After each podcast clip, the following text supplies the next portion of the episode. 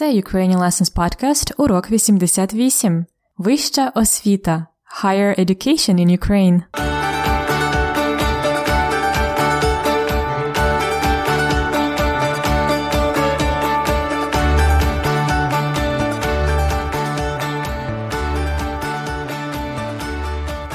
Привіт, друзі! З вами знову я, Анна, і це 88-й епізод подкасту Уроки української. Два попередні епізоди подкасту були про школу в Україні. Сьогодні ми продовжуємо тему освіти і будемо говорити про вищу школу, про університет. Якщо ви вже слухали третій сезон подкасту, ви знаєте, що у нас є головна героїня Христина. Вона американка і працює в школі в Києві. Христина живе в квартирі з сусідкою. Пам'ятаєте, як її звати? Її сусідку звати Леся. І сьогодні ви знову почуєте Лесю на подкасті. І, як завжди, будуть наші традиційні рубрики: дієслово дня, фразеологізм дня і культурний факт. Цікаво, а яка ваша улюблена рубрика? Напишіть мені. Now a brief introduction in English too. In the two previous episodes of the podcast, we talked about school in Ukraine. Today we continue the topic of osvita, education. We will talk about Vyscha osvita, higher education. Our main character of this season, Christina, shares her apartment with Lesia. Today you will hear Lesia on the podcast again. We will listen to their conversation, then talk about some grammar points, and you will discover the verb of the day, the idiom of the day, and the cultural fact. Ви готові починати? Let's start. Отже, як я казала раніше, ми продовжуємо тему освіти в Україні і будемо говорити сьогодні про вищу освіту. Вища освіта higher education це там, де університети, інститути, академії. Перед тим, як слухати нашу розмову, повторімо деякі слова, які стосуються навчання в університеті. Let's learn or review some words about the university studies before we listen to the dialogue. Щоб навчатися в університеті, треба вступити в університет. To enter the university. Вступити в університет. Вступити also means to step in. Вступити. А щоб вступити в університет, треба скласти іспити. Скласти іспити. To pass exams. Або скласти екзамени. Скласти тести. Ці тести після 11 класу називаються зовнішнє незалежне оцінювання. External Independent Evaluation. It's a main test that the 11th graders have to take to enter university. Зовнішнє незалежне оцінювання. В університетах студенти навчаються на факультетах. Наприклад, факультет математики, факультет філософії або філософський факультет, економічний факультет і так далі. А більш специфічною є спеціальність. Specialty, kind of uh, a major that we choose when we apply to the university. Спеціальність. Наприклад, може бути економічний факультет, а спеціальність фінанси, або міжнародна економіка, або маркетинг це спеціальності. Спочатку студенти в Україні навчаються на бакалавраті. Бакалаврат bachelors, а потім на магістратурі магістратура masters. Таким чином, вони здобувають бакалаврський диплом, здобути диплом бакалавра, а потім здобувають магістерський диплом, здобути диплом магістра. Здобути або здобувати ми вживаємо зі словами про освіту. Ми кажемо здобути освіту to get an education, здобути освіту, здобути професію to acquire a profession, здобути професію. Є навіть таке прислів'я в Україні, a proverb, прислів'я. Здобудеш освіту, побачиш більше світу. When you get an education, you will see more of the world. здобудеш освіту, побачиш більше світу. Добре, тепер я думаю, ви готові слухати діалог про вищу освіту. Будуть говорити Христина і Леся. Послухайте і дайте відповідь на запитання. На кого раніше вчилась Леся? На кого вона вчиться зараз? На кого раніше вчилась Леся? На кого вона вчиться зараз? Слухайте і дізнайтеся. Христино, привіт!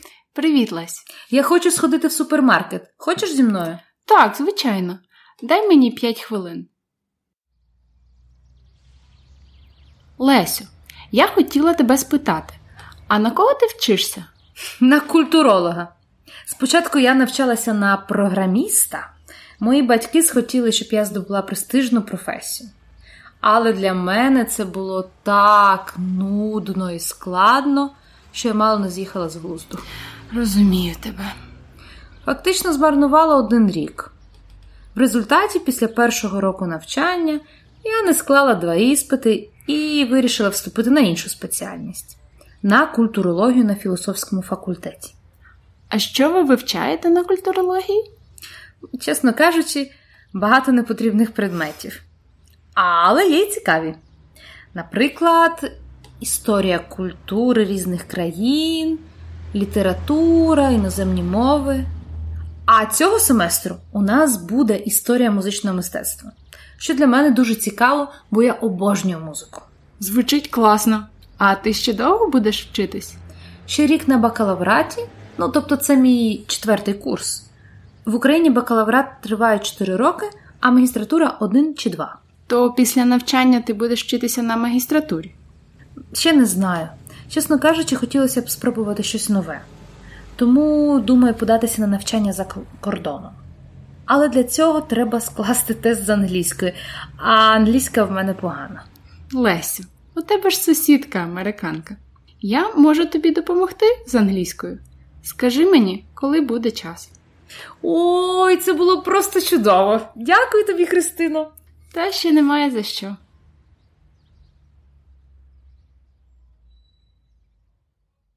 То на кого раніше вчилась Леся? Тобто, що раніше вона вивчала? Раніше Леся вчилась на програміста. Ми говоримо вчитися на і професія. Я вчилась на лінгвіста, а Леся раніше вчилася на програміста. А на кого вона вчиться зараз? Зараз Леся вчиться на культуролога. Тобто вона вивчає культурологію. Культурологія це cultural studies. Отже, раніше Леся вчилась на програміста, а зараз вона вчиться на культуролога. Чому так? Тому що після школи батьки схотіли, щоб Леся здобула престижну професію. Престижна професія. Prestigious profession. Але для Христини програмування було дуже нудне, нудне, boring, нудне. В результаті вона не склала два іспити, не склала два іспити і перевступила. Перевступити to re-enter. Пам'ятаєте, пере? Угу. Зараз їй подобається навчатись на культурології, хоча вони і вивчають багато непотрібних предметів. Непотрібні предмети useless subjects, непотрібні предмети. Але є також і цікаві. Пам'ятаєте, який предмет дуже чекає Леся?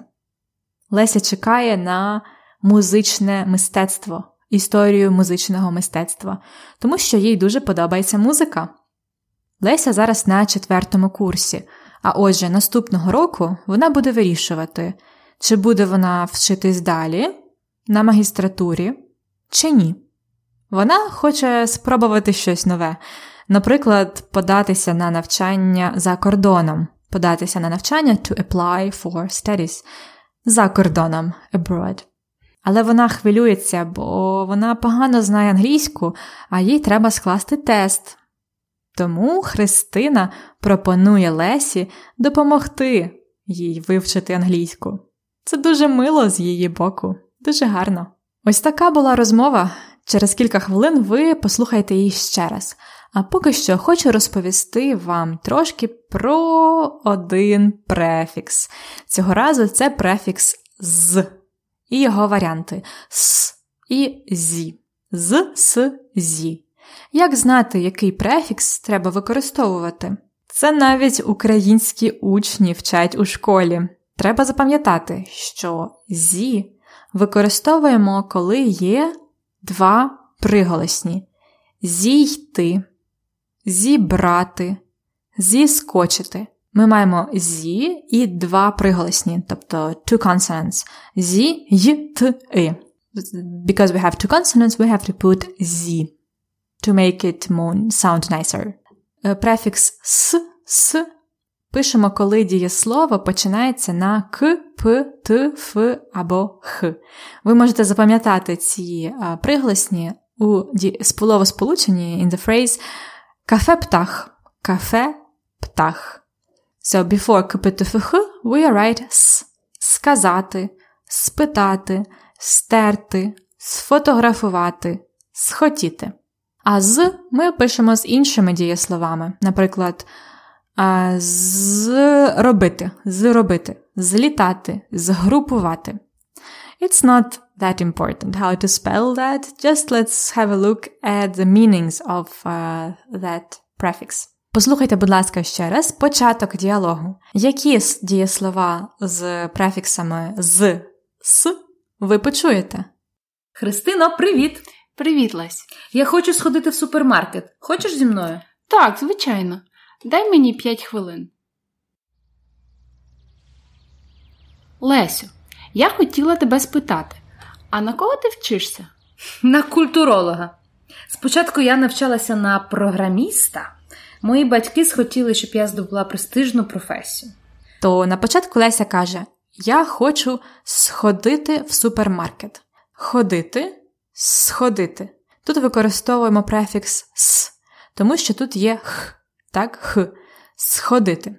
Here we use prefix s with a verb of movement ходити, because it's a completed movement, a completed uh, action that uh, is happening usually back and forth.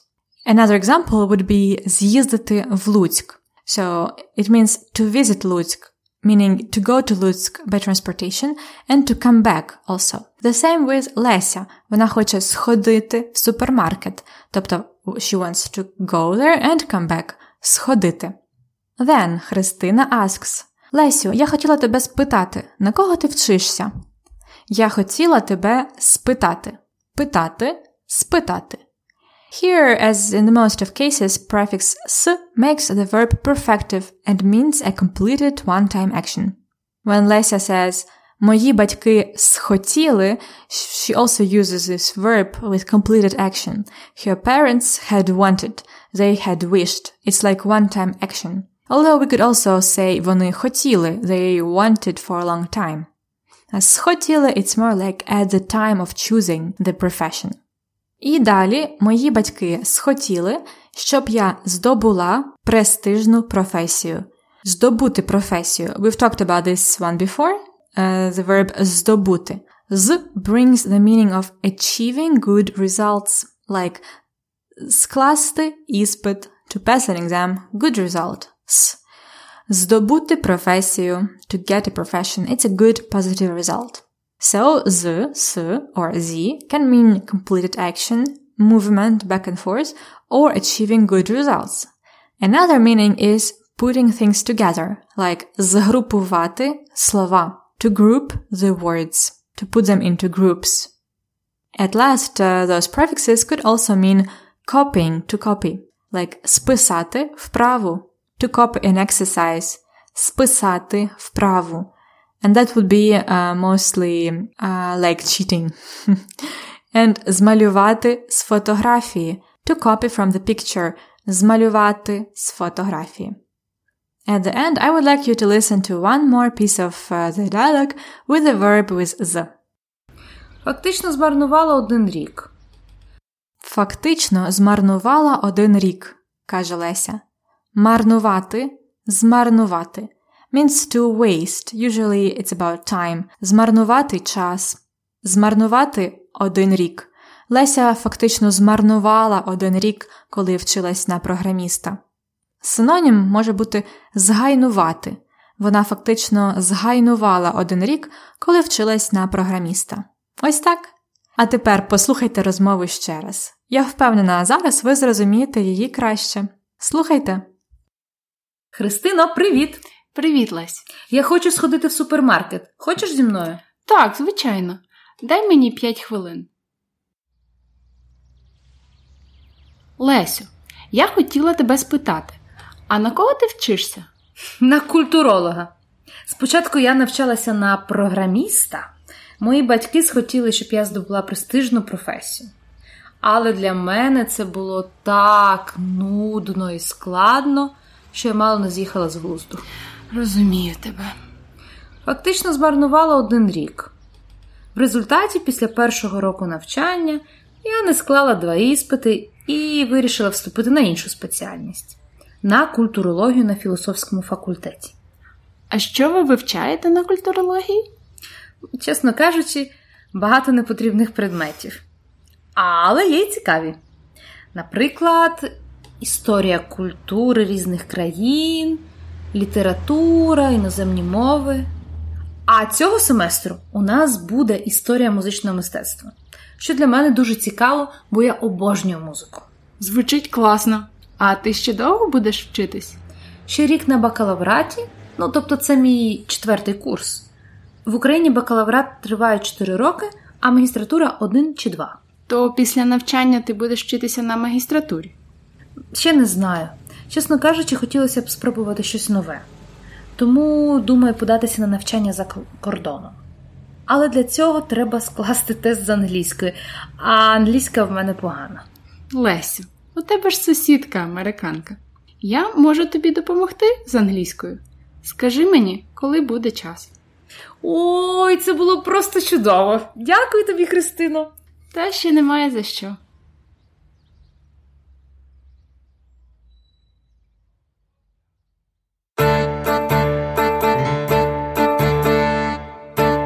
Дієслово дня. Оскільки ми говоримо про освіту, навчання, то дієслово дня має бути обов'язково дієслово вчитись чи навчатись, або вчити, чи може вивчити. Я знаю, є багато схожих дієслів в українській мові, тому спробуємо розібратись по порядку. Сьогодні ми розглянемо одне дієслово, а наступного разу інші. Гаразд? То дієслово дня сьогодні вчити і вчитись. Є також варіанти на у учити і учитись це те саме. Отож, по порядку. Вчити має два значення. Вчити has two meanings. First, to learn, to memorize, perfective form вивчити. Леся буде вчити past perfect tense в англійській мові. Вона вже вивчила present perfect tense вчора. Друге значення дієслова вчити, the second meaning of вчити is to teach, to instruct, so the opposite, like in French. Perfective form is навчити. Христина буде вчити Лесю. Христина will be teaching Леся. Вчити кого? Лесю. Знахідний відмінок. Христина вже навчила Лесю, як використовувати теперішній час в англійській мові. Вона вже навчила. Доконаний. Добре, це було вчити. А тепер вчитись, учитись або вчитися, учитися. С означає, що це зворотна дія, a reflexive action. First of all, вчитись means to study. Perfective form вивчитись. Вона вчиться на культуролога. Е, вона вчиться на культуролога або вона навчається на культуролога. Це синоніми вчитися, навчатися. Вона багато вчиться, we could say too. Леся ще не вивчилась на культуролога. Вивчитись perfective. And the second meaning of вчитись is to learn, to learn how to do something. Perfective form навчитись. Леся вчиться грати на гітарі. So she learns to get a skill. She learns how to play the guitar. Леся вчиться грати на гітарі. А Христина вже навчилась готувати борщ. Perfective навчилась. So again, Вчити is to learn, to memorize, or to teach. And вчитись is to study or to learn how to do something. Розумію, це непросто, але спробуйте скласти речення, щоб зрозуміти краще. Try to use them in the sentence. А зараз дієвідмінювання conjugation. Я вчу вірш. Ти вчиш вірш. Він вчить вірш. Яка це дієвідміна? Це друга дієвідміна и. Ми вчимо. Ви вчите. Вони вчать. И ать друга дієвідміна. І точно так само вчитися, тільки з ся в кінці. Я вчусь в університеті. Ти вчишся в університеті. Він вчиться в університеті. When we speak fast, we say вчиться. Вчиться. Ми вчимося. Ви вчитеся. Вони вчаться. Again fast. Вчаться. Як завжди, ви можете вчитися з нашими конспектами уроків. You can study with our lesson notes to get all the details and to practice.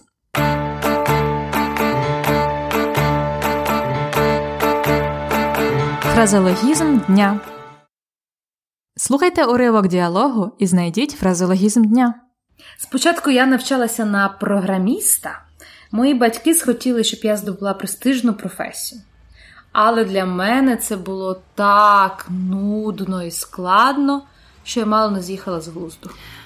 Фразеологізм дня з'їхати з глузду. Literally, it means to go down, з'їхати your mind з глузду. Глузд is a healthy mind, глузд. And it means, of course, to lose mind, to go crazy, to lose senses. Лесі було дуже важко вчитися на програміста. Вона мало не з'їхала з глузду. She had almost lost her mind. Мало не з'їхала з глузду. Another example could be це що? Борщ з морозивом? Ти що, з глузду з'їхав? Is this борщ with ice cream? Are you out of your mind? А вам часто говорять, що ви з'їхали з глузду?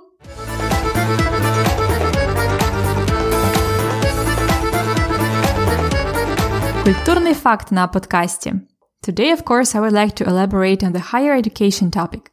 Let's talk about those престижні спеціальності.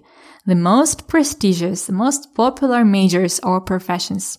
In Ukraine, we pick our major before we apply for the university. In many cases, before we even take the final high school exams, when we are like 14 years old. For example, because I wanted to study languages or journalism, I was preparing to take exams in Ukrainian language and literature, also in world literature, and I was doing it in, in advance for two years before the end of high school. That's why it's often hard for the teenagers to pick their profession so early. Oftentimes, parents would choose for them, like Lisa's parents. Indeed, programovania, the program engineering, is very popular, as in Ukraine there are many opportunities to get a good job and as a program engineer to earn much more than a teacher or even a doctor sometimes. Another prestigious profession is jurist, a lawyer, as everywhere else, I guess.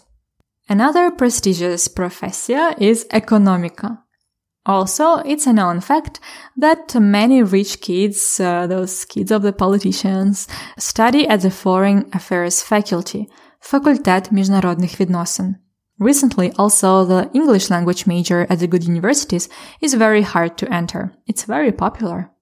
Although these specializations are very demanded and competitive, it's true that with the system of education that we have now, everyone has an equal chance to go study there as uh, the results of the tests decide everything. By the way, we have already talked about the university system in Ukraine on the podcast. It was in the episode 60. In that episode, you can also hear about my experience of teaching and studying at the University of Pennsylvania. Go to ukrainianlessons.com slash episode 60 to listen or re-listen, щоб послухати або переслухати.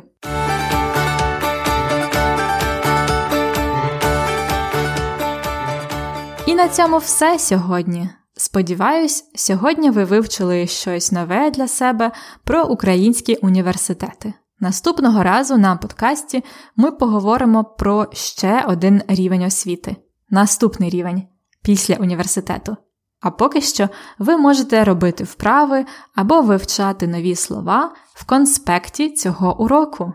You can practice the vocabulary, the verb forms, and maybe reread the dialogue in the lesson notes of the today's episode. The lesson notes are available for the premium members. If you would like to subscribe to the premium membership, you can go to ukrainianlessons.com slash episode 88 for the details. ukrainianlessons.com slash episode 88. Бажаю вам успіхів у навчанні. Всього найкращого. До побачення!